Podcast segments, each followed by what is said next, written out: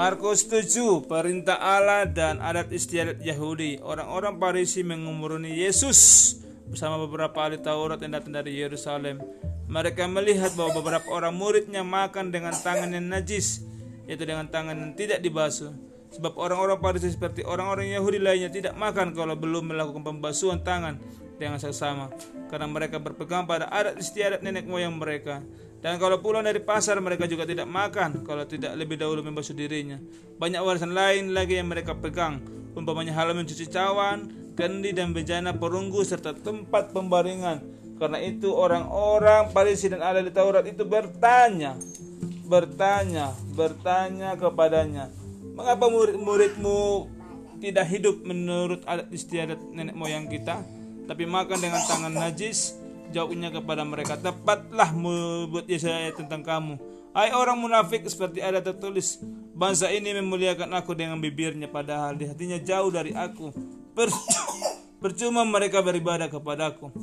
Sedangkan ajaran mereka ajarkan ialah perintah manusia. Perintah Allah kamu abaikan Dan adat istiadat manusia kamu pegang. Lalu seperti kata kepada mereka Sungguh pandai kamu mengesampingkan perintah Allah Supaya kamu dapat memelihara adat istiadatmu sendiri karena Musa telah berkata, hormatilah ayahmu dan ibumu, dan siapa yang mengutuki ayahmu dan ibunya harus dihukum mati. Namun kamu berkata, kalau seseorang berkata kepada ayahnya atau ibunya, segala bantuan yang harus engkau terima dari adalah kurban, itu persembahan kepada Allah, maka kamu tidak membiarkannya lagi berbuat sesuatu pun untuk ayahmu, ayahnya atau ibunya. Jadi firman Allah kamu nyatakan tidak berlaku demi setiap yang kamu teruskan itu. Banyak lagi hal yang lain seperti yang kamu lakukan. Lalu memanggil lagi orang banyak dan berkata kepada mereka, kamu semua kamu semua dengarkanlah aku dan pahamilah. Tidak ada sesuatu pun yang datang tidak ada satu pun dari luar seseorang yang masuk ke dalam dirinya dapat menajiskan. Melainkan hal yang keluar dari dalam dirinya seseorang itulah menajiskannya. Siapa yang mempunyai telinga untuk mendengar hendaklah ia mendengar sudah masuk ke dalam rumah yang meninggalkan banyak orang murid-murid yang bertanya kepadanya tentang perumpamaan itu lalu jawabnya apa kamu juga tidak paham? Tidak tahu kamu bahwa segala sesuatu dari keluar yang masuk ke dalam diri seseorang tidak dapat menajiskannya karena tidak masuk ke dalam hati melainkan ke dalam perutnya lalu keluar ke jamban. Demikian menyatakan semuanya makanan halal.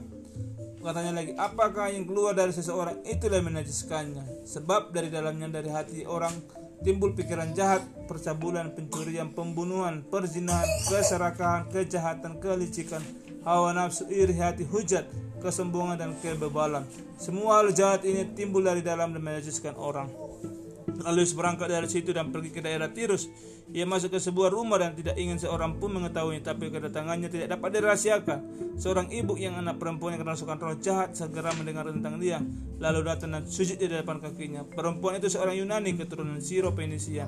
Ia memohon kepada Yesus untuk mengusir setan itu dari anak perempuannya. Lalu Yesus berkata kepadanya, biarlah anak-anak kenyang dahulu, sebab tidak patut mengambil roti yang disediakan bagi anak-anak dan melemparkannya kepada anjing. Perempuan, perempuan itu menjawab, Benar Tuhan, namun anjing yang dibawa mejanya juga makan remah-remah yang dijadikan anak-anak. Lalu kata Yesus kepada perempuan itu, Karena perkataanmu itu, pergilah setan setan itu sudah keluar dari anakmu. Perempuan itu pulang ke rumahnya, lalu dapatnya anaknya berbaring di tempat tidur dan setan itu sudah keluar. Yesus memulihkan pendengaran orang yang tuli. Yesus meninggalkan lagi Yesus meninggalkan lagi daerah Tirus dan melalui Sidon pergi ke danau Galilea memasuki daerah Dekapolis orang membawa kepalanya seorang yang tuli dan gagap dan memohon kepada supaya ia meletakkan tangannya di atas seorang itu. Sudah Yesus memisahkan dia dari orang banyak sehingga mereka sendirian. Ia memasuki jarinya ke telinga orang itu. Ia meludah dan menyentuh lidah orang itu sambil menengadah ke langit. Yesus mendesah dan berkata kepadanya, Efata, artinya terbukalah. Apa artinya? Efata, apa artinya? Apa artinya? terbukalah. Seketika itu terbukalah telinga orang itu dan pulihlah lidahnya. Lalu ia berkata-kata dengan baik. Yesus memperingatkan mereka supaya jangan menceritakan kepada siapa pun juga.